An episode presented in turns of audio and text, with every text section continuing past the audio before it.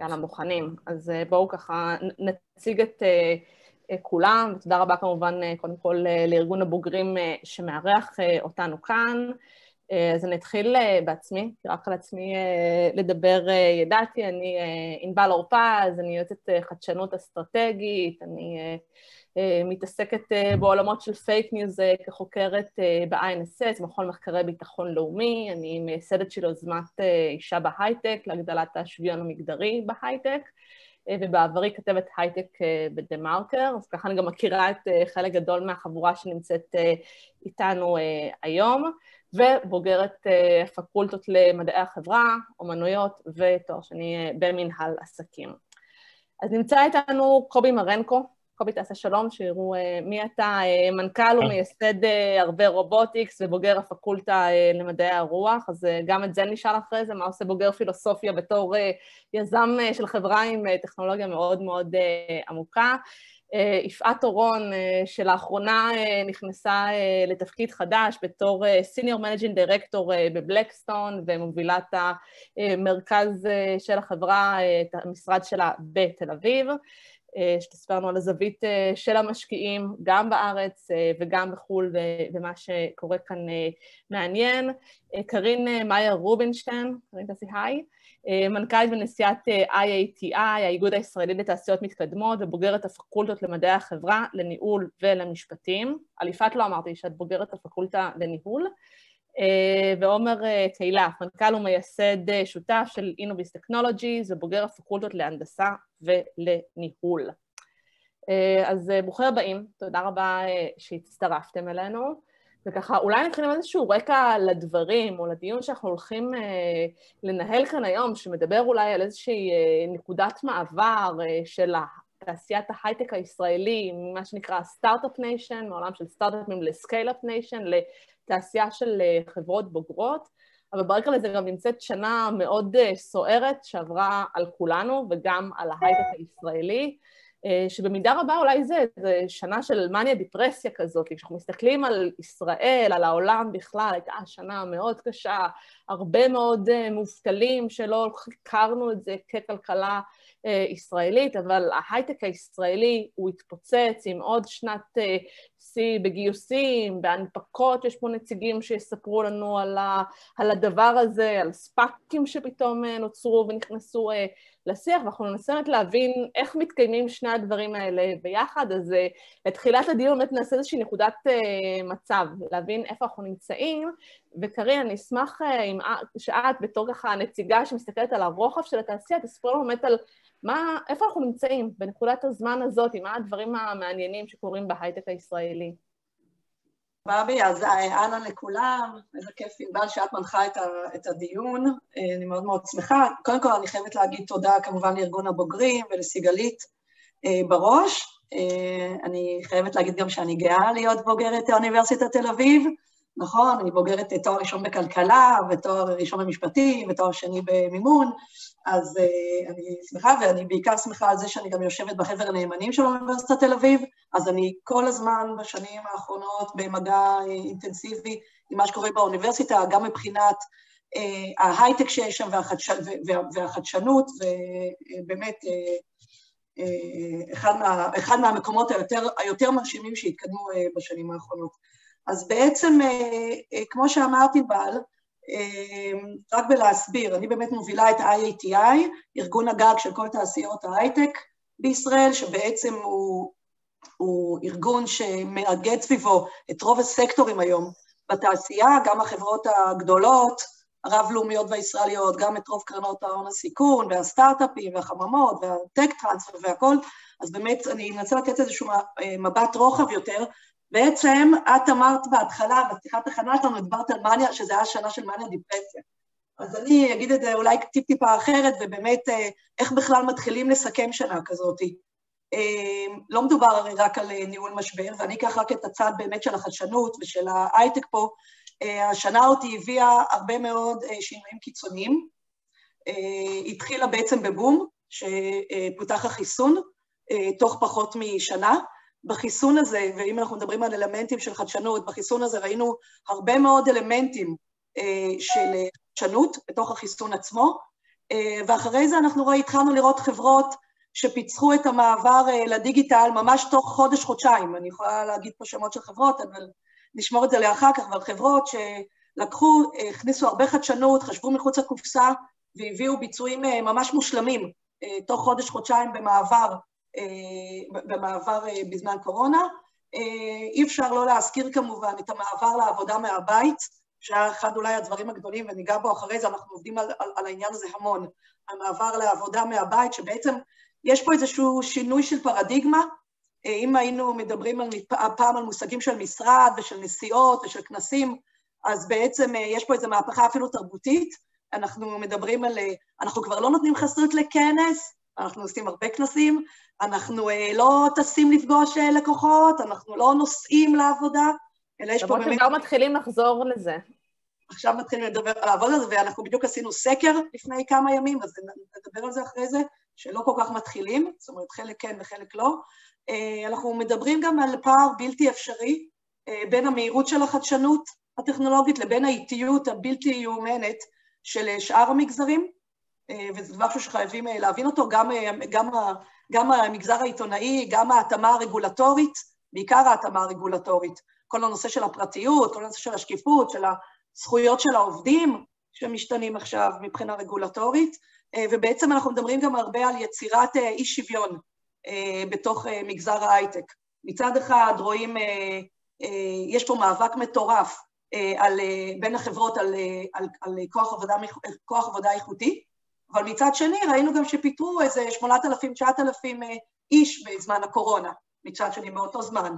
שזה. מתח, אולי אני אחדד את זה, מתח שהוא נורא מעניין, שאנחנו מדברים על זה ששנים כבר הקושי המרכזי, או אחד הקשיים המרכזיים של חברות הייטק בישראל, זה מה שקשור לגיוס עובדים ומחסור כרוני בעובדים, ואפילו מבקר המדינה הצביע על זה, וזה התקיים לצד אבטלה, כלומר הייתה אבטלה, שהייתה בעיקר אבטלה של האנשים עם המשכורות הנמוכות יחסית, שהנמוך בהייטק זה נגיד מתחת ל... גם על הרמה של אנשים, גם ברמה של אנשים שהעזיבו למעשה, זה היה משהו שאולי אפילו אפשר לראות אותו כמבורך, חלק, חלק, חלק אומרים, לא, לא בטוח, אבל, אבל, זה, אבל יש פה דיכוטומיה, יש פה שנת שיא של גיוסי הון, לדוגמה, מול שנת שפל בכמות העסקאות. וגם על זה יש כמובן את כל הסיבות לזה, יש שנת שיא... אז עומר וקובי ייתנו לנו איזה כיוון אולי למה זה קורה.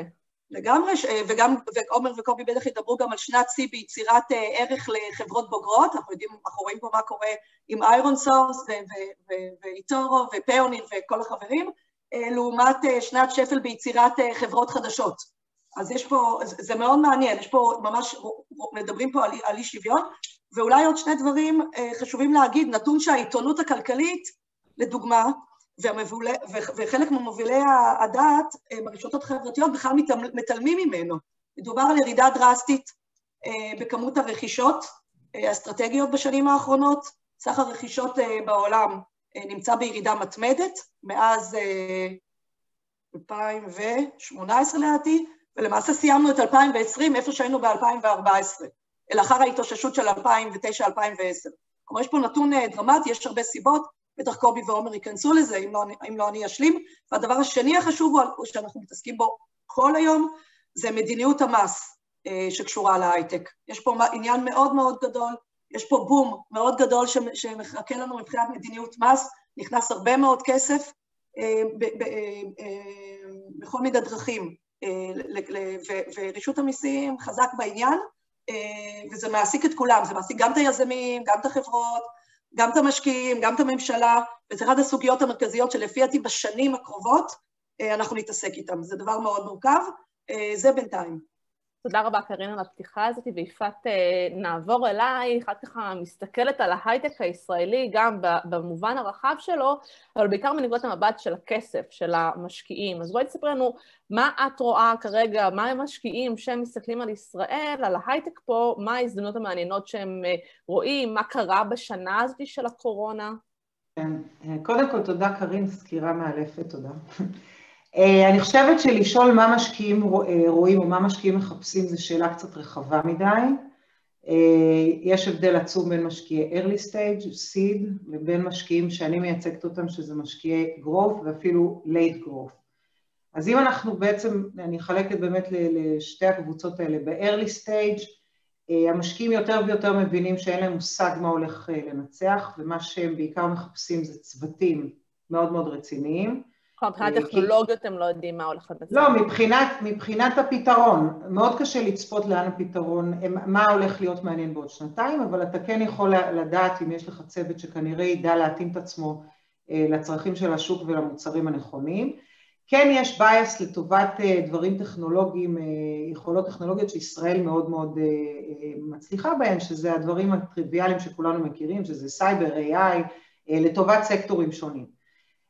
אם אני מסתכלת על מה משקיעים מהסוג שלנו מחפשים, שזה משקיעי growth, זה כבר אופרה אחרת לגמרי, כי לא צריך להבין האם הצוות הזה יהיה טוב או לא טוב, כי כבר הוא, הוכיח, הוא היה אמור להוכיח משהו בנקודת זמן הזו, ואז ההסתכלות, יש קצת דיליג'נס כמובן על העתים, אבל ההסתכלות היא לגמרי אחרת, ההסתכלות היא האם החברה שכבר נמצאת במצב יחסית בוגר, עם revenues, האם הסיפור הזה יש לו יכולת ללכת ולגדול בפי 2, 3, 4, 10 פעמים, כלומר כבר המחיר כבר יקר, אין פה כבר הנחות, גם היום אנחנו, קארן נגע בזה, אפשר לגעת בזה אחר כך, שוב יש המון כסף, אין בעיית כסף, ולכן כמעט כל החברות מתומחרות היטב, אני לא רוצה להגיד over מתומחרות, אבל מתומחרות יפה, ולכן המתמטיקה של ה growth מסתכלת על מה, מה החברה הזאת עושה היום, מה ה market שהיא פונה אליו, כמה היא תהיה מסוגלת לצמוח, כמה unit economics שלה נכונים בשביל שהיא תהיה מסוגלת להיות, אם אנחנו משקיעים שם קוד במיליארד דולר שווי, איך היא הופכת להיות עשרה מיליארד,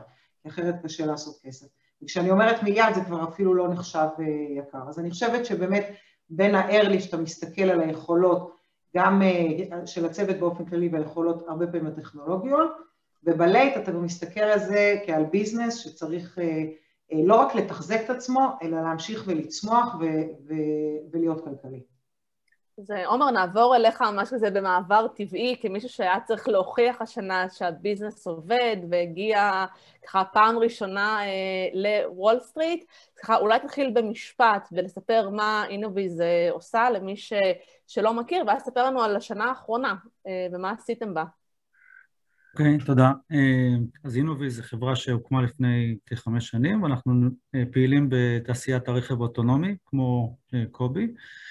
אנחנו מפתחים טכנולוגיה שנקראת LiDAR, שזו טכנולוגיה שאני חושב שרוב האנשים שמעו עליה בפעם הראשונה, בטח בשלוש-ארבע שנים האחרונות, שזה בסוף אה, סוג של רדאר גם, אבל רדאר אופטי, מבוסס על, על אור, אה, מה שמאפשר לרכב אה, לראות את מה שנמצא בסביבה שלו ברזולוציה מאוד גבוהה, ולמעשה נותן פתרון ל... לבעיה שהייתה קיימת uh, עד לפני חמש, חמש שנים, שבו הליידרים היו uh, במקרה מערכות כאלה, uh, להפוך אותם למשהו... שמענו את הבום של כמה זה כבד. שהוא נראה, משהו שהוא נראה כזה.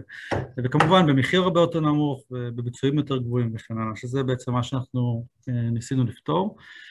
ואנחנו רוצים מאוד מאוד מהר. זאת אומרת, התחלנו לפני חמש שנים. יש לנו כבר פרויקט עם BMW, ורק לפני כחודש הודענו על עוד זכייה עם עוד איזשהו פרויקט. והשנה האחרונה הייתה שנה מאוד מעניינת. אני חושב שכולנו התעוררנו במרץ 2020 ושאלנו את עצמנו מה, מה, מה צריך לעשות going forward, כאילו איך התעשייה הולכת להתנהל והאם אנחנו צריכים להתנהל אחרת. עד לאותה נקודה בעיקר רצנו הכי מהר שיכלנו, בכל רגע נתון. רק לחייב שאתה אומר תעשייה, מה זה התעשיית ההייטק, הרכב, מה קבוצת הייחוס שאתה מתכוון אליה? תעשיית הרכב. בסוף אנחנו, הלקוחות שלנו זה עולם הרכב, חברות כמו BMW, ובסוף אתה צריך להתאים את עצמך לקצב של ההתפתחות של התעשייה שבה אתה נמצא, אתה לא רוצה לרוץ מהר מדי ולהגיע למצב שבו השוק מתרחק, ועכשיו אתה שורף בעצם את המשאבים שיש לך בזמן שהשוק מתרחק. אז זאת השאלה שאני חושב שכל חברת סטארט-אפ שבסוף מבוססת על כספים של משקיעים, הייתה צריכה לשאול את עצמה לפני כשנה, פחות או יותר. עכשיו, הקושי, אני אגיד, האתגר שאנחנו עמדנו בו זה שכבר היינו קומיטד לפרויקט, זאת אומרת, אנחנו נמצאים ב, בתוך פרויקט שאמור להגיע לייצור סדרתי, וזה לא שבאמת היה לנו את הלאגז'רי במובן מסוים של העט. היינו מחויבים לפרויקט שאמור לצאת לייצור סדרתי, ו... ההחלטה לגבי להחליט עכשיו להאט היא באיזשהו מובן מסוים, זו החלטה להפסיק פרויקט מאוד משמעותי. אז יכול להיות שבמובן מסוים זה גם הציל אותנו, כי אנחנו החלטנו לא להוריד את הגז, הבנו שאנחנו נמצאים בתוך תעשייה שבכל מקרה הסייל סייקל שלה והתהליכי פיתוח הם ארוכים, ואנחנו כחברה צריכים להגיע ל...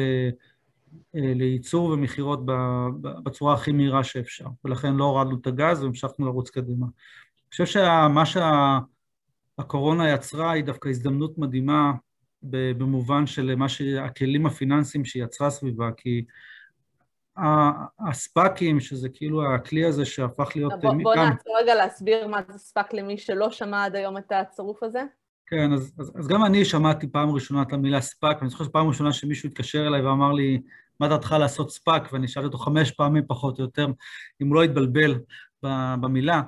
אז ספאק זה Special Purpose אה, Acquisition Company, אם אני לא טועה, שזה בגדול אומר, אה, אני חושב שהדרך הכי קלה להתייחס לזה, זה פשוט, אה, זה כמו קרן השקעות שפשוט הנפיקה, יצרה גוף שלד בורסאי, ובסוף המטרה שלו לבצע רכישה של חברה בפעילות מסוימת, שהרעיון הוא לקחת את אותו סכום כסף, להזריק אותו בתוך חברה שיש לה פוטנציאל אה, משמעותי going forward, אה, ובעצם אה, לעשות את האחד ועוד אחד שווה שלוש. זאת אומרת, לקחת חברה שאם עכשיו זורקים לתוכה 300 מיליון דולר, היא הופכת להיות חברה שהיא רצה הרבה יותר מהר ממה שהיא היום רצה, ולכן היא מצליחה לקחת נתח שוק משמעותי ולהגדיל את המכירות שלה. אני חושב שהכלי הזה, שהוא כלי שהוא בגדול היה כבר קיים בעבר, בסוף הוא איזושהי... אפשר לומר שזה דומה בעצם לשלט בורסאי? שלט בורסאי עם כסף בסוף, כאילו בסוף זה אומר שכאילו נוצרת, בסוף נוצר, נוצרת ישות אחת שיש בה גם פעילות וגם כסף, ובסוף אה, היא ממשיכה הלאה וממשיכה כחברה עם הפעילות. אה, וזה בסוף מגיע מתוך כנראה איזשהו, אה, נקרא לזה חור, של אה, הזדמנויות השקעה אה, רלוונטיות, הריבית שלו עלתה והקורונה וגופים גדולים וכלכליים שחיפשו אפיקי השקעה מעניינים. אני חושב ש... אני תמיד מסתכל על ארו קראוד בתור איזשהו צעד ראשון במקום של לקרב קרנות הון סיכון לכיס הפרטי, שבו אנשים רוצים להיות מעורבים ולהשקיע בחברות הייטק אבל בשלבים טיפה יותר uh, התחלתיים, ובמובן מסוים ליהנות מהסיכון, וה SPAC הוא, הוא עוד צעד קדימה, זאת אומרת לקחת uh, חברות שהן באמת בשלבים יותר התחלתיים, להפוך אותן לציבוריים מתוך מקום שבו כנראה השוק מעוניין uh, לקחת חלק בהשקעה וליהנות ממה שנקרא מזיהוי המנצחים בתעשייה. אנחנו נמצאים בעולם הרכב ולכן יש פה fit מאוד מאוד חזק, כי חברה כמו שלנו ויפעת יכולה, בדיוק תיארה, אה, קרנות growth אה, וחברות עולם הרכב, זה, זה כזה שני דברים שהם כמעט לא נמצאות באותו, באותו, באותו מישור. חברות אה, אוטומוטיב שבדרך כלל צריכות לעבור עוד 4-5 שנים עד שהן מגיעות ל, ל, לרווחיות מש, מש, משמעותית, כמעט זה לא באותה שפה כשאתה בא ומדבר עם, עם קרנות growth שבו אתה צריך לגייס 300-400 מיליון דולר בשביל להגיע לשלב של מכירות משמעותיות בעולם הזה, זה כמעט, אה, זה כמעט, באמת, זה, זה ברבור שחור, אין, אין דבר, כמעט אין דברים כאלה.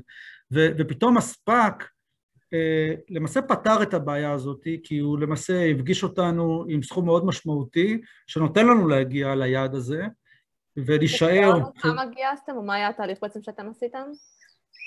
סך הכל גייסנו 380 מיליון דולר, 371 מיליון דולר בסבב הזה, וזה אחרי שכבר גייסנו 250 מיליון דולר, זה סכומים מטורפים. עכשיו, חברה כמו שלנו, שהיא חברה 300 איש, שבו התקציב השנתי שלה, אני לא רוצה להגיד, מטורף, כן? כאילו, כי אנחנו משקיעים בטכנולוגיה משוגעת, יש לנו המון ציוד מעבדות, חדרים נקיים, קווי ייצור בגרמניה, בארצות הברית, זו פעילות שאי אפשר לממן ולמנף עם קרנות פרטיות, לא עם VCs, ושוב, קרנות הגרוס לא מדברות באותה שפה. אה, אני חושב שהספאק נתן פה פתרון מדהים, נתן לנו הזדמנות אה, לקחת, אה, ודיברתם קודם על זה שהמספר המכירות ירדו, בסוף זה בא לידי ביטוי בזה שהזדמנות לחברה כמו שלנו לגייס 370 מיליון דולר, זה משהו שהוא כמעט ולא היה קיים, אני חושב שהספאק באיזשהו מקום אני אמרתי באיזושהי הזדמנות שזה אולי הדבר הכי טוב שקרה בתעשייה הישראלית, כי פתאום חברות כמו שלנו לא צריכות להימכר, לאיזה חברה מאוד גדולה, כי אנחנו יכולים להמשיך את הפעילות שלנו ולהישאר חברה פרטית, ואולי גם להיות חברה מאוד גדולה ומשמעותית. תראי כמה חברות ישראליות עכשיו אה, עברו תהליך אה, ספאק, תראי כמה חברות גדולות הולכות להיות פה, שמגייסות מאות מיליוני דולרים, זה דבר מדהים לכלכלה. אה, מבחינתי זה, זה דבר מדהים, יש כאלה שרואים בתור, בכלי הזה גם בבעיה, כ- כסיכון, וברור שיש בו אלמנט של סיכון. מדובר בחברות בשלבות, בשלבים יחסית התחלתיים, וההכנסות עוד לפניהם, אבל בסופו של דבר ההזדמנות הזאת היא הזדמנות נדירה, אני שמח שנכנסנו, יצאנו לדרך הזאת, הרצנו הכי מהר שיכלנו, כי גם לא ידענו אם הדבר הזה יישאר, ראינו כאיזו הזדמנות פז להיות, אה, גיוס כספים כזה הוא גם מן הסתם מייצר יתרון תחרותי מאוד משמעותי מול, מול אחרים, זה win win situation. מצוין, אז עומר נעצור אותך פה, ותודה רבה על ההסבר ועל היכולת, באמת, גם מי שלא מכיר עדיין את המונח הזה להבין מה זה. פה, קובי, אנחנו אה, נעבור אליך, אז במשפט לפני שנמשיך את הדיון ממש מהנקודה הזאת, בוא ספר לנו במשפט אה, מה Arbe אה, Robotics עושים. Arbe מפתחים, Arbe אנחנו חברת צ'יפים, מפתחים צ'יפים לרדאר, שגם הוא הולך בין היתר לרכב אוטונומי, הרדאר הולך גם לרכבים רגילים, אה, לדורות הנוכחיים של driving אה, assistant אה, לבלימות חירום, ל safety וכדומה. וגם אנחנו מייצרים רדאר שפעם מבחינת הגודל לא שיפרנו את, את הגודל של הרכיב אבל שיפרנו את הביצועים שלו בסדר גודל של פי מאה מאשר הרדארים הקיימים היום בשוק. ובעצם גם אתם אה, נמצאים אה, בדרך אה, לעסקה כזאת של ספאק, אז אולי ככה ביחד תענה לנו על, על, על, על שתי שאלות שנחבר כאן לתוך אחת, שאחת באמת, מה היה השיקול שהוביל אתכם לשם, אם זה היה משהו שונה מהשיקולים שעומר הציג, או שאלה היו השיקולים, וגם עומר מציג את זה באמת כאפשרות חדשה, כאיזשהו אפיק חדש שנפתח, אבל בעצם אפיק של IPO, של הנפקה הראשונה לציבור, וככה להיכנס דרכו לבורסה, הוא תמיד היה קיים. אז מה בעצם ההבדל בין IPO רגיל לבין הספאק החדש? או החדש למעשה בפופולריות שלו, כי זה גם כלי שהוא היה קיים עוד קודם. אז אה, אני אתחבר גם אה, להתחלת הסשן הזה של הקורונה ולתחילת מרץ, אה, שבו ישבתי עם עצמי וכמי שמעל עשרים שנה בתעשייה הזאת הסתכלתי על המשבר החדש וקראתי מה אומרים בארצות הברית ועשיתי כמה טלפונים והיה נראה שחברות אה, צריכות אה, להצטייד במזומן לפחות לשנתיים כי מי יודע מתי כל הדבר הזה ייגמר וגל ראשון וגל שני ואנחנו כן עשינו תהליכים של צמצום, הורדנו שכר לעובדים cross the board ואני חושב שזה בהחלט צעד שתרם לנו אה, מאוד אה, ליכולת שלנו אה, לחזור כאשר התעשייה חזרה ואכן אחרי שלושה ארבעה חודשים פתאום הדיפרסיה התחלפה במאניה, זאת אומרת מהרגע שהשוק הציבורי התחיל להידחף כלפי מעלה גם שוק הגיוסים חזר. ו...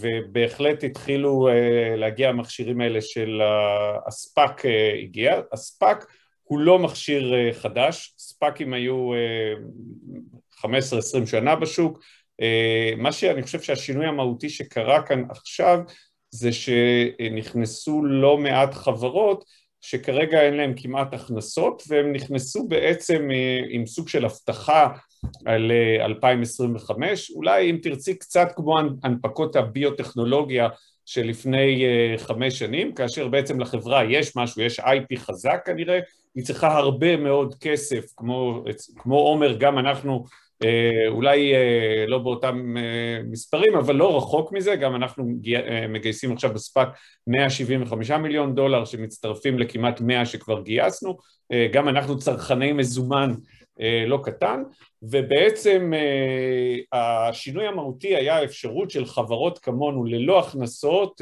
מהותיות, הכנסות אנחנו נכניס השנה כמה מיליונים uh, בודדים ועם חוזים ארוכי טווח אמנם, אבל כשנתחיל לראות מהם הכנסות בעוד שלוש-ארבע שנים, uh, להיכנס בעצם לשוק. אבל לא רק לנו הדבר הזה עזר, זה עזר גם לחברות שכמו שהצגתם, כמו שדיברת עליהן, ironSource היא חברה עם הכנסות מבוססות, ironSource בהחלט הייתה יכולה לעשות תהליך של IPO רגיל, היתרון ב SPAC שהתהליך הוא הרבה יותר קצר, הוודאות היא הרבה, על הוולואציה והוודאות על גיוס הכסף היא סגורה ובעצם לא רק חברות ישראליות ניצלו את הדבר הזה כדי לגייס הרבה מאוד כסף, מה שכמובן יצר בצד השני גם נהירה של קרנות ההון סיכון להשקיע בחברות, השווים הציבוריים התנפחו,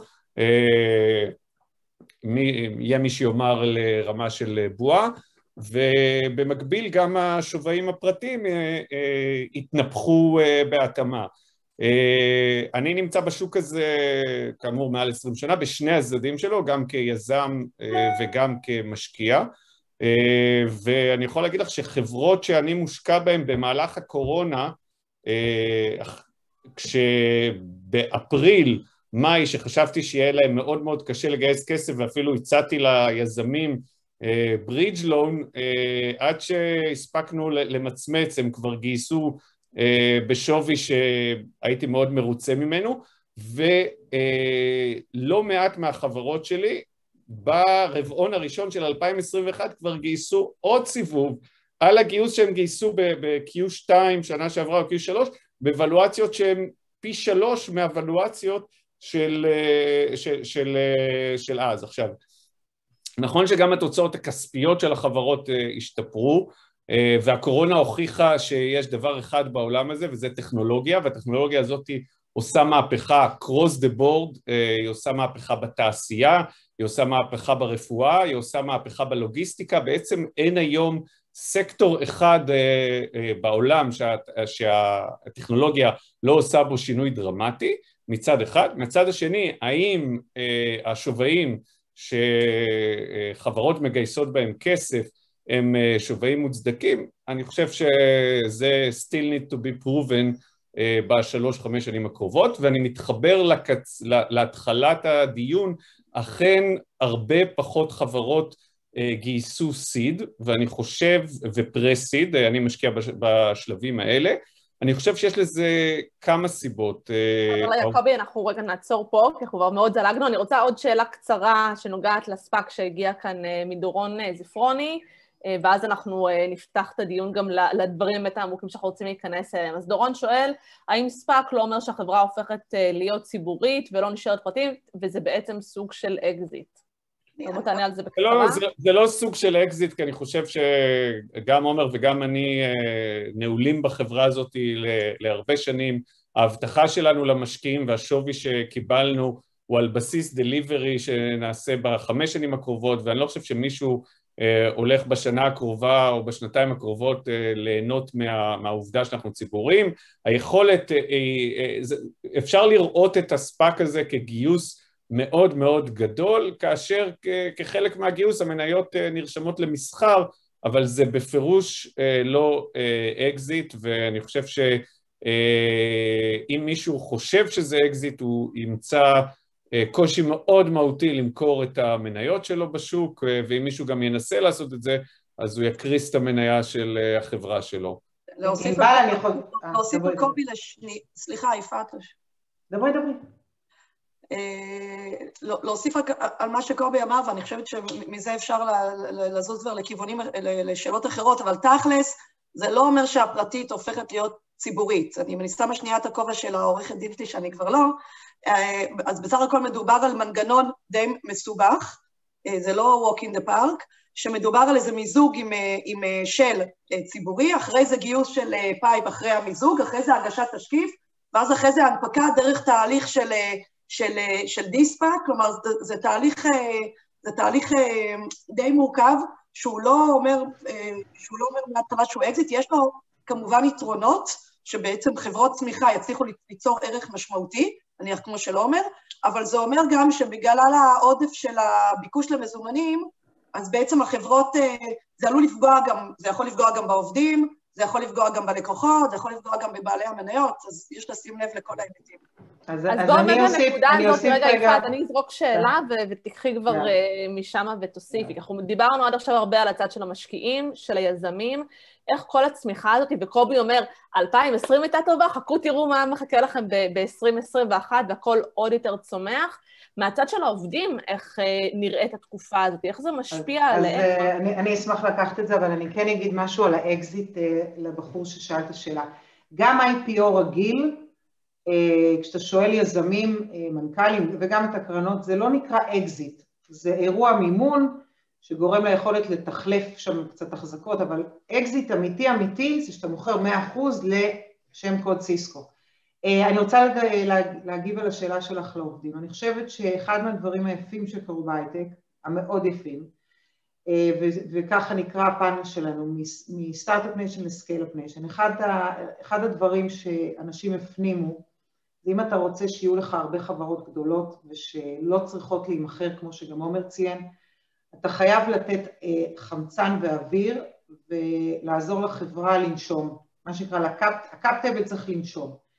אה, ומה שקרה בשנים האחרונות, שאנחנו רואים לא מעט סיבובים, אפילו הרבה סיבובי השקעה, שמי ששם לב בעיתון כתוב שחלק היה בסקנדרי, מה זה אומר? סקנדרי בעברית זה שניוני, זה אומר שמשקיע נכנס לחברה, לא בהכרח הכניס את כל הכסף פנימה, אלא עזר לחלק מבעלי המניות, שזה יכול להיות גם הקרנות וגם היזמים, והרבה עובדים, אה, להנזיל חלק מההחזקה שלהם. ההנזלה היא פרופורציונלית למשהו שהוא אה, ימשיך לייצר את הווין ווין ושכולם aligned על אותם אינטרסים, וכמובן אתה לא רוצה לתת לעובד כל ה upside בשלב מוקדם מדי, כי אחר כך הוא פשוט יעבור לחברה אחרת וירצה לקבל מניות אופציות בחברה אחרת, אבל המנגנון הזה לדעתי הוא, הוא הכי חשוב אה, ביכולת שלנו להפוך ל scale-up nation. ברגע שנותנים לעובדים איקס אחוזים מהמניות שלהם, לצורך העניין עשרה אחוז, והם יכולים להחזיר את המשכנתה, והם יכולים לשדרג קצת את רמת החיים, היכולת שלהם להמשיך ולסחוב אה, אה, עוד הרבה שנים עם החברה עולה משמעותית, ואני מניחה שה... קולגות שלי פה שמנהלים עובדים יסכימו. אז עומר או קובי, אתם יכולים אולי להוסיף איך זה נראה מנקודת המבט של העובדים? אני, שוב, זה, זה לא אקזיט במובן שאם הולכים לפי התיאור של... לא, לא, בואו נתנתק גם מהשאלה על ה SPAC. לא, אין בעיה, אבל אני כן חושב... אני חושבת כשאנשים מדברים על אקזיט, אז בכלל אקזיט הוא אירוע של נזילות, אירוע שבעלי... לא, אני, שנייה אחת, ענבל, בכל זאת, תני לי. אה, מה שאני מנסה להגיד, שאני חושב שזה מאוד, אני חושב שזה מאוד אה, עוזר לעובדים. משני היבטים. א', כי הם מבינים שבתום של חצי שנה הם נזילים, והם יכולים להתחיל אה, ליהנות מהערך שהם יצרו, שזה מן הסתם אה, אירוע ש, שמרגיע במובן מסוים את הלחצים שאולי קיימים. אנשים עובדים מאוד קשה במשך כמה שנים ומצליחים סוף סוף לגעת אה, בכסף. אני חושב שמה שאנשים לא מכירים זה שלמעשה כל עוד אתה נשאר בחברה פרטית ואתה נאלץ לגייס מהשוק, מקרנות ובסיבובים, העובדים תמיד נמצאים בתוך סיכון יחסית גבוה. בכל סבב גיוס, אם חס וחלילה עכשיו אתה נאלץ לגייס בשווי שהוא נמוך יותר מהקודם, בדרך כלל חברות, אה, המניות שנוצרות בכל סיבוב מוגדרות בתור Preferred A, Preferred B, Preferred C, מה שאומר שאם חס וחלילה נוצר איזשהו, אה, איזשהו בור ועכשיו החברה נאלצת לגייס כספים, הראשונים שנפגעים הם העובדים. וברגע שעוברים תהליך כזה של הנפקה או ספאק, לא משנה, נוצר בעצם איזשהו תהליך שבו כולם מאוזנים, המניות של ה-preferred הן מיושרות מול ה-common, מול האופציות של העובדים, ולמעשה הסיכון מאוד משמעותי מוסר מעל ראשיהם של העובדים. עכשיו, הדבר היתרון הנוסף הוא שהעובדים יכולים לראות בצורה מאוד ברורה איך המשמעות של העבודה שלהם משפיעה על הערך שהם יוצרים, הם רואים את זה דרך פרויקטים שזוכים, הם רואים את זה בצורה שהיא ממש ישירה והיא לא צריכה להיות תלויה באיזו הזדמנות, מה שנקרא, של אולי איזו מכירה על איזו חברה שאולי תקרה ואולי לא תקרה. כמה שזה... עובדים יש בחברה היום? אה, בערך מעל 300. כולם פה? הרוב המכריע, כמעט 95 אחוז, 90 משהו. עומר, אני יכולה רגע להעיר על מה שאמרת שמי שנפגע זה העובדים, כי אני מפחדת פה שאנשים ילחצו מהסיבובי השקעה.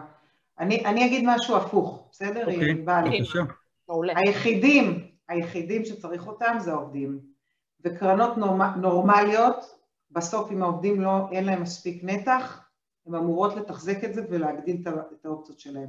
מי שעלול להיפגע זה דווקא קובי מרנקואים של העולם שהשקיעו בהתחלה, קובי לא, לא אישי, אבל מי שמשקיע בהתחלה באמת וקשה מאוד לתחזק את האחוזים שלו ובמיוחד בעולם שהחברות באמת לא נמכרות ועושים עוד סיבוב ועוד סיבוב ועוד סיבוב ואנחנו מגיעים לאותיות ב-ABC שאנחנו צריכים להתחיל לשיר את ה-ABC אה, לחשוב מה, מה הסבב הבא, וזה, אני חושבת שדווקא משקיעי סיד שהם הם באמת הקור ש, שתמך בחברה בשלב הכי מסוכן, דווקא להם הכי קשה, ולעובדים וליזמים. אז בכלל בואי ננסה להרחיב, איפה העובדים מרוויחים בכלל? קובי לא מסכים איתי, רגע, בואי... רגע, רגע, רגע.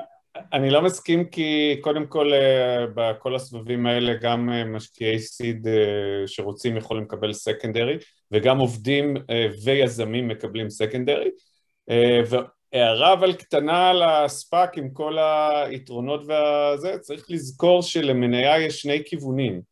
זאת אומרת, אנחנו באמת מדברים פה על אה, כל הזמן על... אה, אני חושב שהדור הזה, סליחה על זה, חי שוק הון שמכיר רק כיוון אחד.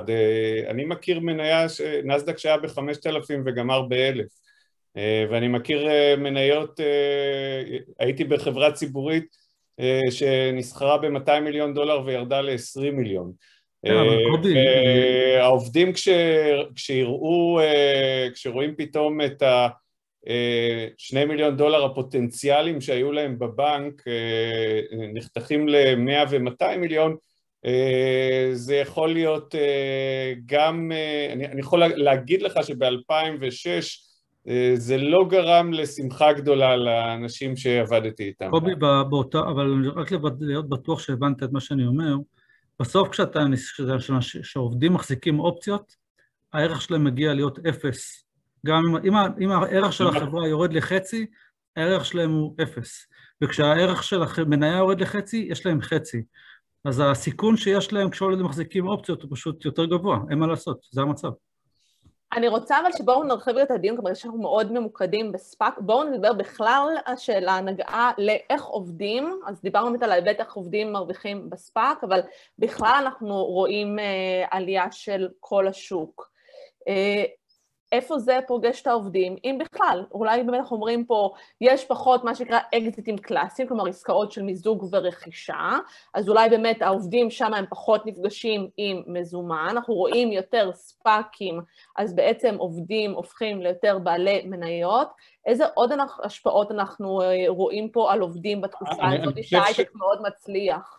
אז זה נכון שהיו אה, פחות אה, אקזיטים בדרך של מכירה, אבל אני חושב ש... אה, תקני אותי אם אני טועה, אבל לדעתי כמות הנפקות, לא רק ספאקים, גם הנפקות ראשוניות אה, ופלוס סקנדרי, אני חושב שלא היה דבר כזה.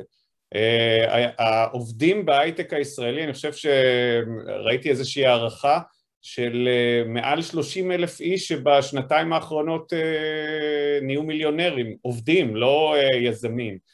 אז אני חושב שהעובדים הישראלים כרגע, או עובדי ההייטק הישראלי, ממשיכים במגמת ההתנתקות שלהם אה, ממדינת ישראל, מגמה שהתחילה אה, לפני עשר וחמש שנה והיא ממשיכה עוד יותר אה, באגרסיביות תוך כדי הקורונה ש... שלקחה הרבה מאוד אנשים בתעשיית הייטק ועשתה אותם מאוד מאוד מאוד עשירים, חברות, אנשים שעבדו בוויקס, אנשים שעבדו בכל אחת מהחברות הישראליות שהונפקו בשלוש חמש שנים האחרונות אה, לא, לא רק העובד הראשון שם, אני חושב 500 העובדים אה, הראשונים שעבדו שם בפייבר, בחברות כאלה, הם היום מיליונרים, לא על הנייר, הם חלקם הגדול גם מימש את ההחזקות האלה, אנשים שעובדים באיירון סורס וכדומה, אני חושב ש... אה, לעובד, לעובד ההייטק הישראלי לא הייתה מעולם תקופה כזאת, המשכורות קפצו אה, ברמות אה, היסטריות, אני תמיד אומר שמי שיורד במעלית בשרונה ומספר לחבר שלו שהוא שוקל לעזוב את העבודה, כשהוא יוצא מהמעלית כבר יש לו לפחות שלוש הצעות משלושה אינטרנשיונל שמוכנים לשים לו משכורת שהיא כמעט פי שתיים ממה שהוא מקבל היום. אז אני חושב שברמת העובדים לא ראיתי תקופה כזאת, זה גם אגב מקשה על השקעות הסיד, כי באות חברות ואני השקעתי לפני שש שנים בהרבה, מאה אלף דולר ובמאה אלף דולר האלה הגענו לפרוטוטייפ והיום כשבאים אליי שניים שלושה יזמים אז הם רוצים שלושה מיליון דולר בשביל להגיע לפרוטוטייפ. עכשיו חלק מזה זה גם כי הדולר לא דולר, אבל חלק לא מבוטל מזה זה בגלל שהמשכורות עלו, התחרות על העסקאות האלה עלתה, וזאת הסיבה שקשה מאוד היום להתחיל חברות, לא סתם חברות מתחילות בתקופה של משבר ולא בתקופה של שגשוג כמו התקופה שאנחנו נמצאים בה עכשיו. אז תגידו, אם אני מקשיבה למה שכולכם אומרים, הספקים, ההנפקות בשיא, העובדים, המשכורות בשיא, אנחנו נמצאים באיזה בועה שעומדת להתפוצץ עלינו? אני לא חושב שזה בועה... אף אחד לא מגיב. אני לא חושב שזה בועה שתתפוצץ... שמעתי את ההנחות, חיכיתי מי ייקח את זה ראשון. בואו נתחיל מזה שכרגע הקרנות מעולם לא היו כל כך מצוידות במזומן. יש הון, יש מיליארדים רבים שיכולים להיכנס לחברות הייטק ישראליות בשנתיים שלוש הקרובות וגם אם שוק ההון יפסיק לתמחר חברות SaaS במכפיל של 25 על הכנסות ויתחיל לתמחר אותם נגיד במכפיל הצנוע של 10 על הכנסות אני חושב שעדיין יש מספיק כסף הון סיכון לתדלק את הצמיחה הזאת בשלוש חמש שנים הקרובות מצד אחד, מהצד השני חברות רבות גייסו המון כסף בשוק הציבורי. הם יצטרכו לגדול, הם יצטרכו לגדול, הם יקנו חברות. וגם זה יתדלק את עצמו שוב, אני חושב שהשוק, ההייטק הישראלי לא צריך להיות מוטרד ממה שקורה בשוק ההון או מהכסף, הוא צריך להיות בעיקר מוטרד ממה שקורה מחוץ לבית שלנו ביפו ומה שקורה מחוץ לבית שלנו באום אל-פחם ומה שקורה מחוץ לבית שלנו בזירת הממשלה ובזירות האלה שבה המדינה מאבדת את יכולתה לשלוט במה שקורה במדינה ואין לנו ממשלה כבר שנים ואין לנו תקציב. קובי, נעצור אותך פה, אתה אומר אין בועה, מישהו כאן חושב אחרת ממנו? אני לא אמרתי שאין בועה, אני אומר שגם... או שלא עומדת להתפוצץ עלינו. גם אם... כיזם, כמשקיע, אתה יחסית רגוע לגבי מה שקורה. גם אם הנסדק ירד ב-30 אחוז, יהיה מספיק כסף לחמש שנים הקרובות להשקעה בסטארט-אפים בישראל. אבל אני חושבת, אני חושבת שנגענו בזה בתחילת השיחה, הצורך של התעשיות הוותיקות הישנות, הלגאסי, ולעשות את הסוויצ'ים לטכנולוגיה הוא כל כך חמור, כי הן מבינות שאם הם לא יעשו את זה פשוט ייעלמו, שגם הן דוחפות להשקעה בטכנולוגיה ולכן הן יהיו רוכשות של טכנולוגיה, מה שיגרום לחברות להיות מסוגלות לצמוח. וגם אני רואה אפילו בתוך הבית היום ש, ש, שיש פתאום סיפורי טכנולוגיה שמסוגלים להפוך תעשיות שלמות, זה לא רק, זה לא רק משחק או, או, או צ'יפים מאוד מתוחכמים, זה לקחת את העסקים הנורמטיביים של פעם ולהתחיל אותם מסקרץ' על ידי יזמים טכנולוגיים, והדברים האלה יכולים להיות אינסופיים, וכשיש דברים כאלה אז משקיעים שהיו פעם מוכנים להסתפק בתשואות של 15 אחוז, היום כולם כולם נוהרים לטק, כי בטק אפשר לעשות הרבה יותר, לא בוודאות מוחלטת, אבל לפחות יש שם פרובביליטי של לעשות אה, אה, הרבה מאוד כסף.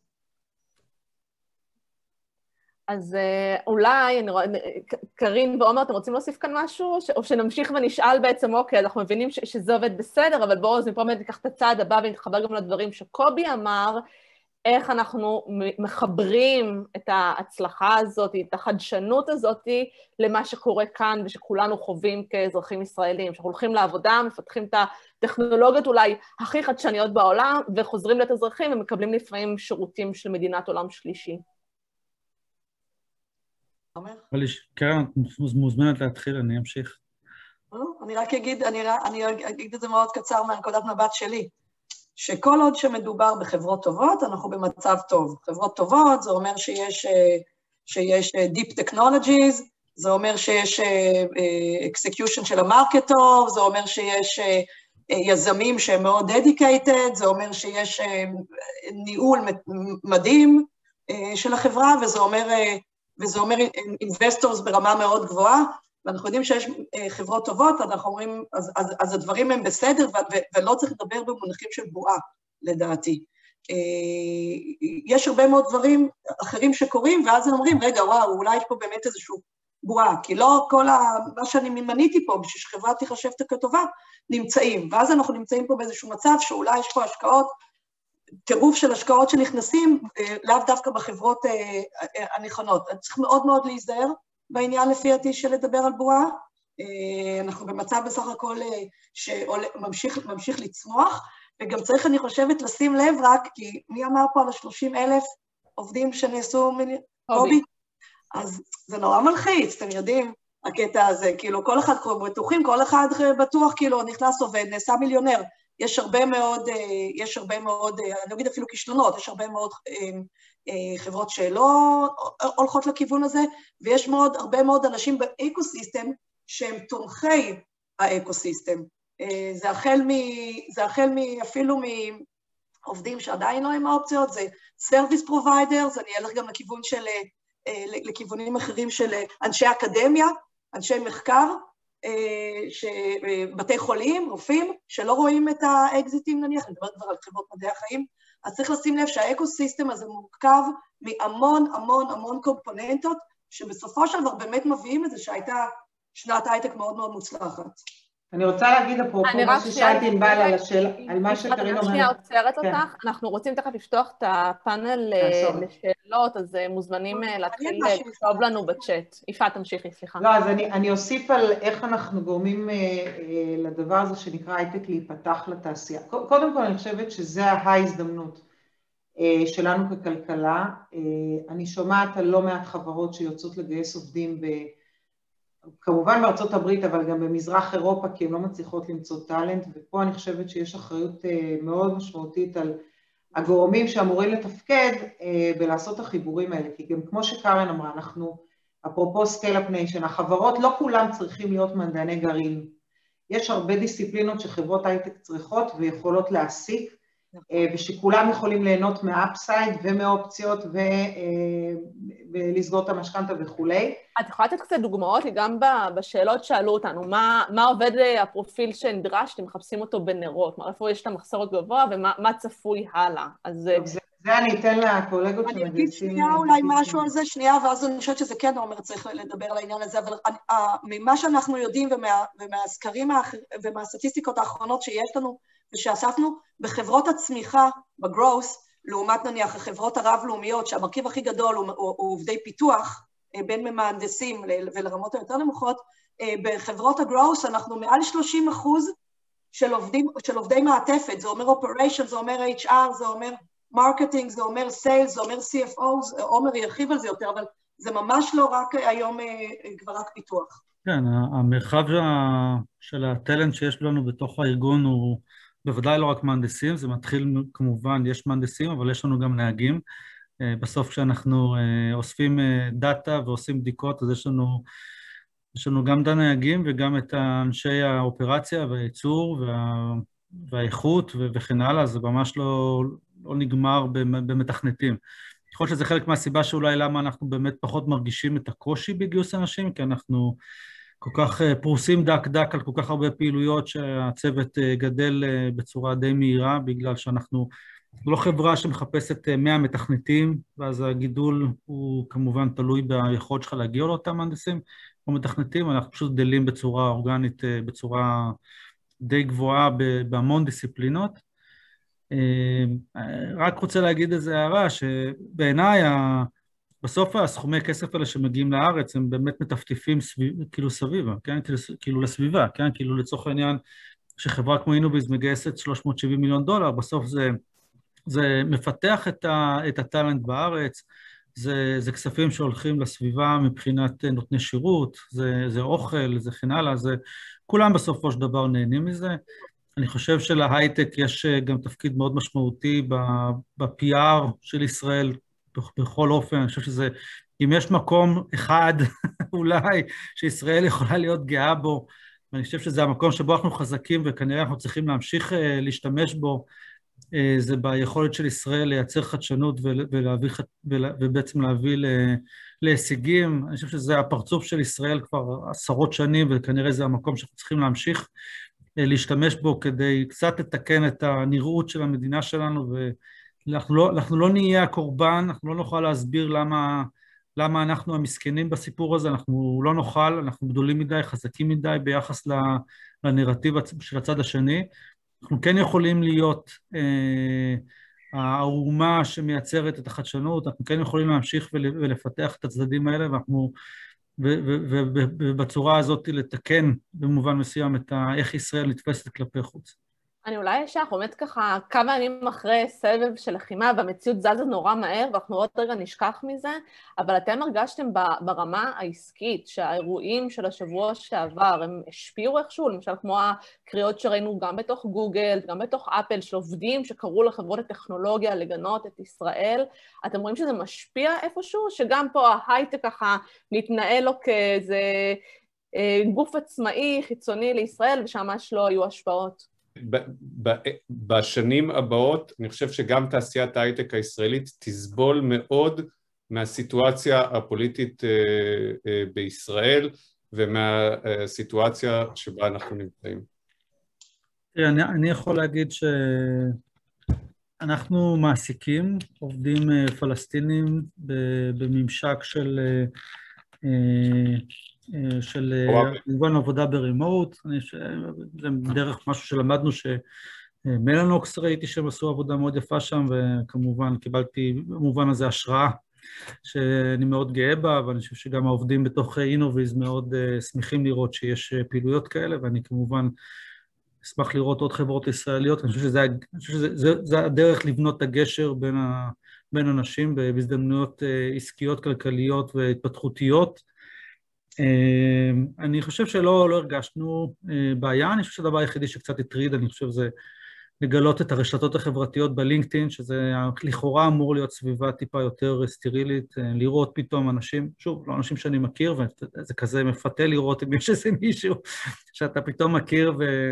אבל לא, לא, לא ראיתי שלפחות בסביבת העבודה הקרובה אה, יש ישנן התבטאויות, אבל זה מורכב, זה מורכב, זה מייצר איזשהו לחץ, זה, זה נחמד לראות את האנשים מחו"ל שפונים ושואלים אם הכל בסדר, אבל uh, לא, לא הרגשתי שהדבר הזה מייצר איזשהו קושי. אבל uh, הוא בטוח מייצר ואנחנו לא מודעים. אני אגיד מילה אחת על זה, ענבל, לא מכניסים uh, פוליטיקה uh, לדיונים שקשורים להייטק, לא מילים כמו אפרטהייד, לא מילים כמו הפוכות. אני, אני, אני חושבת שההייטק מצליח לשחק אותה בעניין הזה, לא, נכנס, לא נכנסת פוליטיקה, לא, לא פוליטיקה פנימית, לא פוליטיקה מלמעלה, ואני חושבת שאנחנו, ואני, ואני לא חושבת, אני בטוחה שזה יימשך ככה. ההייטק הוא כן יחסית מופרד מהעניין הזה, ואנחנו, אה, וכל גינוי או כל אלמנט של פוליטיקה לכיוון זה או אחר, אה, אנחנו מבחינתנו לחלוטין אה, לא, לא משתמשים בו ולא לא נכנסים בעניין הזה. וזה מאוד, וזה מאוד חשוב להמשך קיום התעשייה. שזה דיון מעניין ונפרד שאפשר uh, לפתוח ולהעמיק אותו, אבל אנחנו ככה, אני רואה שאין לנו עוד, uh, או שכן קפצה פה עוד שאלה בצ'אט? לא, לא קפצה עוד שאלה בצ'אט, אז אני רוצה ככה שלסיום, uh, אה, נצא ככה אולי עם אה, שאלה שקצת יותר כזה שימושית למי שככה נמצאים, מקשיבים לנו אה, בבית, ככה חושבים להיכנס להייטק, חושבים להקים סטארט-אפ, וזו גם הייתה הזדמנות ככה אולי לסגור ולהתחבר חזרה למסגרת שאנחנו נמצאים בה, כן של אוניברסיטה, קובי, הבטחתי שנדבר על התואר שלך בפילוסופיה ואיך... אה, ואיך עושים את המעבר הזה? מישהו שסיים אה, בגילמן ומוצא את עצמו אה, מוביל חברה שככה... אני גם הייתי בגילמן, בהפסקות אבל. הייתה שנה אחת בקריטריה, זו הייתה השמש הכי נחמדה, גם אני זוכרת. אז באמת ככה, מי שרוצה להיכנס, להשתלב בעולם הזה, מה, מה הטיפ שאתם הייתם נותנים לו, עד כמה אתם מסתכלים, גם כמעסיקים, על החשיבות של, של הכשרה, של השכלה, אז ככה, זה המקום שלכם לתת הלאה. מי שבאמת חושב להיכנס ולהצטרף ורוצה להיות חלק מהאקזיט הבא, כבעל אופציות המניות. אני אולי, אני אולי אקפוץ ככה ראשונה ואגיד משהו שאמרתי למישהו לפני בערך חודש. מי שיזם, הוא לא מתלבט אם הוא רוצה לקפוץ ולהיות יזם. מי שיזם יודע את זה כנראה מגיל 12, הוא עוד לא ידע מה זה אומר, אבל uh, אני חושבת שמי שבקהל פה שמקשיב והוא יזם אמיתי, הוא יודע שהוא הולך לעשות את זה, והוא יעשה את זה כנגד כל הסיכויים, כי זה תמיד כנגד כל הסיכויים וזה תמיד קשה רצח, והחבר'ה פה יעידו. זה המון המון המון קושי, מעט מאוד נקודות ורודות כמו החולצה שלי, מעט מאוד, זה באמת בדרך כלל קשה. Uh, אני כן חושבת שיש מקום להצטרף, אגב, גם בהייטק, אבל אני חייבת רגע לפתוח את זה מההייטק. יש המון תעשיות בישראל שהן לא נקראות הייטק והן עוברות שינויים טכנולוגיים מאוד משמעותיים ועוברות דור, ויש אה, אה, גם מקום להיות הייטקיסטים בכלכלות אה, ישנות. אני חושבת שזה לא פחות מאתגר ומעניין, אז לפתוח גם את הראש לצד הזה. מעולה, תודה רבה, יפעת. אמ, קודם כל אני אוהב את מה שאת אומרת, אהבתי את הפיץ', את התיאור הזה, הוא תיאור יפה. אני חושב שתמיד אה, מול זה צריך להיות תמיד את הנושא של התזמון והמוכנות. אמ, אני חושב שכשמישהו מחליט לבצע פעולה כזאת, הוא צריך, הוא צריך לשים לעצמו שעון כלשהו, זה, זה, זה נותן איזשהו, אה, גם תלוי בסביבה שלו ובסביבה התומכת שלו, אבל זה, זה משהו שצריך להיערך למסע, אה, וזה, וזה בסוף צריך להיכנס טיפה תמים לתוך האירוע. אה, זה כאילו, זה, זה צריך להגיע ממקום שאתה, שחשוב לך לפתור את מה שאתה רוצה. אה, יהיו המון בעיות, הרבה יותר בעיות ממה שאתה חושב. אם אתה תנסה לחפור מהר מדי, עמוק מדי, אתה עלול להיבהל ולא להיכנס לזה, אבל אם זה חשוב לפתור, אז תעשה את זה. והקומיטמנט הזה שקיים ביום שבו אתה מתחיל הוא כזה שהוא... אני תמיד אומר שאתה צמוד לקיר ואתה חייב לפתור בעיה, כי זה או זה או שזה נגמר, אתה, אתה מצליח, נוצר, נוצרת פה אנרגיה שלדעתי עוד לא, לא תוארה בספרים, אה, ולכן אה, בסוף, רק כשאתה יוצא לדרך אתה באמת, אה, באמת יודע מה, מה לפניך, וזה פשוט עניין של לצאת לדרך. זה קשה, זה מאתגר, זה... וזה... בסוף ממלא, אבל uh, צריך להגיע מוכנים לזה. תודה רבה. עומר? קרין, קובי? אה, א', אה, נחזור לעניין מדעי הרוח, אני חושב שבאמת היום, כאשר את הנושא המקצועי אפשר ללמוד בדרכים אחרות, בין אם בצבא, בין אם לפני הצבא, אני אישית למדתי לתכנת עוד לפני הצבא, אה, אה,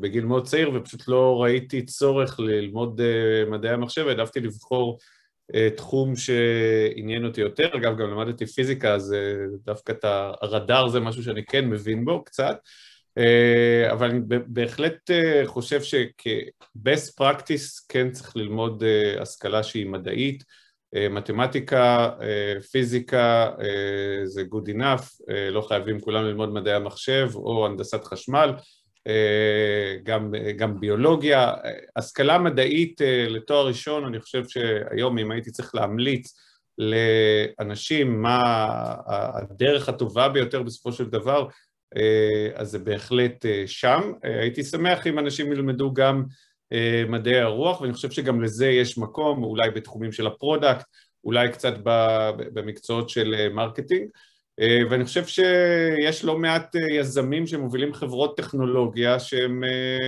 באים מהדיסציפלינות האלה של לשלב כמה דברים ביחד ולנסות ולראות איך מכל הדבר הזה, מכל הסלט הזה ביחד, עושים משהו. אני חושב שזו התקופה הכי טובה בתולדות העולם להיות יזם. אה, גם אה, יש כל כך הרבה דברים שאפשר לעשות, אפשר באמת להשפיע על חיים של אנשים, להציל חיים, אה, יש הרבה מאוד דברים טובים שאפשר לעשות. אני חושב שאם לפני 15 שנה תעשיית ההייטק הישראלית התעסקה בהימורים, התעסקה בדברים שהם פחות נחמדים, אני חושב שהיום התעשייה הישראלית באמת באמת באמת משנה את העולם.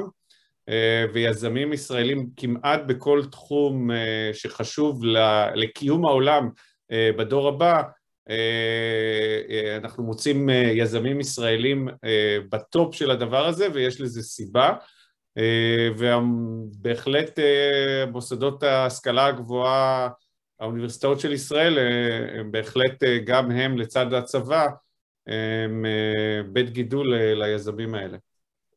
תודה קובי. קרין, שנייה לפני שאת עונה, אנחנו, יש שאלות שקיבלנו בצ'אט, אז קרין תענה ואז אנחנו נתייחס לשאלות בצ'אט, ולצוות הטכני שלנו שואלים פה אם אפשר לפתוח את הצ'אט. אז אני לא יודעת מה התשובה, אבל אם, אם, אם ניתן אז בבקשה תפתחו, וקרין אלייך. אני לא אבזבז אפילו עשר שניות על תשובה, אין לי מה לומר. הכל אפשרי, כל אחד מהדרך שלו, הרבה מזל, תמיד תעזרו לאחרים, תמיד מי שיכול לפתוח דלתות לאנשים אחרים שיפתח, מציעה לאנשים לחשוב תמיד איך להביא את הפתרונות, איך לחשוב על, על לתת value, וזה יכול לבוא מאלף ואחד מקומות. מצוין. אז בואי ניתן, נגלגל כאן כבר תשובה שקיבלנו בצ'אט, שאת יכולה להתייחס אליה. שואלים אותנו, נשמח לשמוע מאנשים בפאנל על ההתמודדות כאישה בעולם עסקי, איך אתן דוחפות את עצמכן קדימה. יפעת, אני בטוחה שיפעת תיתן את התשובה הכי טובה. האמת שזה שאלות שאני, קשה לי להתמודד איתן. גם לי. אין תשובה שמתאימה לכולנו. מי ששאל את זה, מזוהה אם זה גבר או אישה? לא, כתוב לי שזה משתתף אנונימי. מעניין. אז אם את אישה... זה משנה את התשובה? כן, ברור. אם את אישה, אז אני אגיד רק דבר אחד, לא לוותר, לא לוותר. לפעמים יותר קשה, ולפעמים, לפחות בעולם שלי, זה קצת הקרבת בית משמעותית, אבל אם זה חשוב לך, אז לא לוותר. אבל, אבל אין תשובה, אין תשובה חד משמעית, זה לא... לנסות להתעלם מהאספקט, ה... מהאספקט הזה, וזה אולי הכי טוב. אני אגיד את זה אולי מהצד, שלה, מהצד שלי, שמקדמים, שמקדמים את ה diversity ואת ה-inclusion בהייטק. כשאנחנו מדברים על קידום של נשים בהייטק, היום אנחנו מדברים על 30 ומשהו אחוז בהייטק, טוב, את יודעת את זה מכולם ענבל, כי את הוצאת את ה, באמת את הדוח הכי מפורט, אבל כשאנחנו מדברים על קידום של נשים, מבחינתי, לקדם נשים זה לא בשביל לקדם נשים, זה לא בשביל אפליה מתקנת בשום צורה, אלא בגלל שנשים זה, זה כוח אדם טוב שעדיין לא מנוצל ברובו, וזה עוד סקטור מעולה שצריך להכניס למעגל העבודה. כל דבר מעבר לזה מבחינתי הוא אמורפי ויש המון תשובות. טוב, אז אני אגיד, קרין דחפה אותי לשם, אני פעילה מאוד בתחום של נשים בהייטק, יש לי בלוג ועמוד שמוזמנים להיכנס אליו, נקרא אישה בהייטק, עם המון תכנים על מה, מה אפשר לעשות כדי להגדיל ייצוג של נשים בהייטק, כי זו בעיה שהיא גם בעיית משפך באמת, של ככל שיותר נשים ילכו ללמוד את המקצועות, למשל שקובי הזכיר, אז נראה באמת גם בסוף יותר נשים בתחום הזה, אבל גם בצד של החברות והמעסיקים והבני זוג יש הרבה מה לעשות, ובאמת המטרה היא מטרה של חברות נאבקות על מחסור בכוח אדם, אז, אז זה מקום אחד שזה יכול לבוא ממנו, וזה טוב לעסקים במגוון דרכים, וינון ברכה, שהוא יזם ואיש רב זכויות בהייטק, אז הוא כותב לנו לנשים, תהיו אמיצות ולא מושלמות. אז זה נכון, הרצון הזה... אוי, מושלם, מושלם. הוא, הוא באמת בעוכרינו. גלעד שואל, האם ליזם מומלץ בתקופה הקרובה לנסות לעשות גיוס פרה-סיד או גיוס סיד? קובי, אולי אתה תרצה להתייחס בתור מי שציין שהוא משקיע בשלבים האלה. אני אישית תמיד בעד גיוסי פרה-סיד בגלל שאני לא מרגיש נוח לקחת הרבה כסף לפני שיש לי איזושהי ודאות שיש כאן משהו שעובד, אבל בצד היזמי היום אני ממליץ לאנשים לקחת מה שנותנים להם ולהתקדם. זה, אני חושב שזה החלק הכי, הכי מהותי. כרגע זה לנסוע מהר, לקחת, אם, אם יש פרסיט שאפשר לקחת מהר ולהתחיל לנסוע איתו, אז להתחיל לנסוע איתו ולהמשיך לסיד. מעולה. עוד התייחסות לזה מישהו שרוצה להוסיף? אז אני עוברת לשאלה של ניר גרצמן מ-The Dog, שזה פלטפורמה שמשקיעה בחברות, בסטארט-אפים בעולמות המריטיים, הים. אז עומר כבר ענה, ואולי למי שלא קרא אז תרצה להתייחס, וגם מפנה את זה אליך, קובי, הוא שואל, האם אתם רואים את עצמכם רוכשים חברות ישראליות צעירות בעתיד, ובאיזה שלבים, ונבנים כחברות גדולות עשור, עשורים קדימה? אני חושב שלפני שמתחילים לרכוש חברות צריך לייצר ביזנס עובד כמו שצריך. לפני שמגיעים להיקפים של 100-200 מיליון דולר, אני חושב שלהתחיל לרכוש חברות, אלא אם כן זה, זה משהו שהוא מינורי, לאסוף איזה צוות שנתקע עם איזה צ'ופצ'יק, זה לא נכון. בחברה הקודמת שלי התעסקתי ב-M&A כשהיינו ציבוריים, ואני חושב שהרכישה הראשונה שלנו מאוד מאוד לא הצליחה. היינו, קנינו אמנם חברה ישראלית, זה לא בגלל שהחברה הייתה ישראלית, אלא בגלל שעוד לא היינו בנויים ובשלים עם מספיק מנגנונים כדי גם לנהל צמיחה וגם לנהל רכישות. צריך להגיע לאיזושהי נקודה שבה, שבה זה נכון. פייבר לדוגמה, עשו את זה לא מעט בשנים האחרונות, וחברות נוספות, צ'ק פוינט בוודאי וכדומה. אני מניח שכל מי שרוצה לגדול בסופו של דבר ייכנס לרכישות. אנחנו לא נמצאים בשלב הזה עדיין, לנו ייקח לדעתי עוד שלוש שנים עד שנגיע לשלב שבו אנחנו יכולים להתחיל להסתכל על רכישות. אני, אני, אני רוצה להתייחס לזה, כי אני עניתי ואני רוצה כן להגיד משהו. רכישה לא חייבת להיות במזומן, אני יכולה להיות במניות. אם חברה, יש לה צרכים כדי להגיע ליעד מוקדם יותר, וישנה חברה שעושה משהו שמקצרת לך את הזמן, וזה פתאום נותן לך יתרון אסטרטגי, זה, זה יכול להיות נכון. שוב, זה כמובן תלוי במקרה, תלוי ב, כמובן במודל המכירה ובצורה שהיא מוגדרת העסקה, זה לא, זה לא בכלל חייב להיות מזומן שמקצר לך את הטווח ולוקח לך, עליך סיכון, זה יכול להיות אפילו הזדמנות. שוב, אולי, זה הפרטים הקטנים, כן, אבל...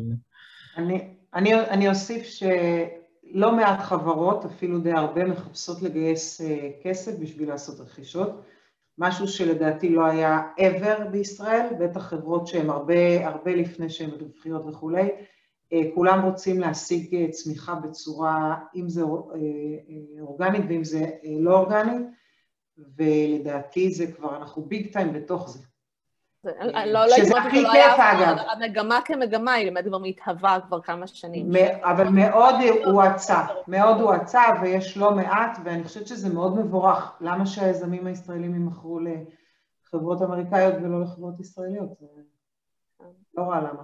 מצוין. טוב, אז לפני שאנחנו נועלים, מישהו מכם עוד רוצה להוסיף משהו שלא התייחסנו אליו, או שתרצו להגיד? לא, מצוין. טוב, אז תודה רבה. תלמדו באוניברסיטת תל אביב. לגמרי. סטטיסטית זה בוודאי דרך נכונה להיות יזם.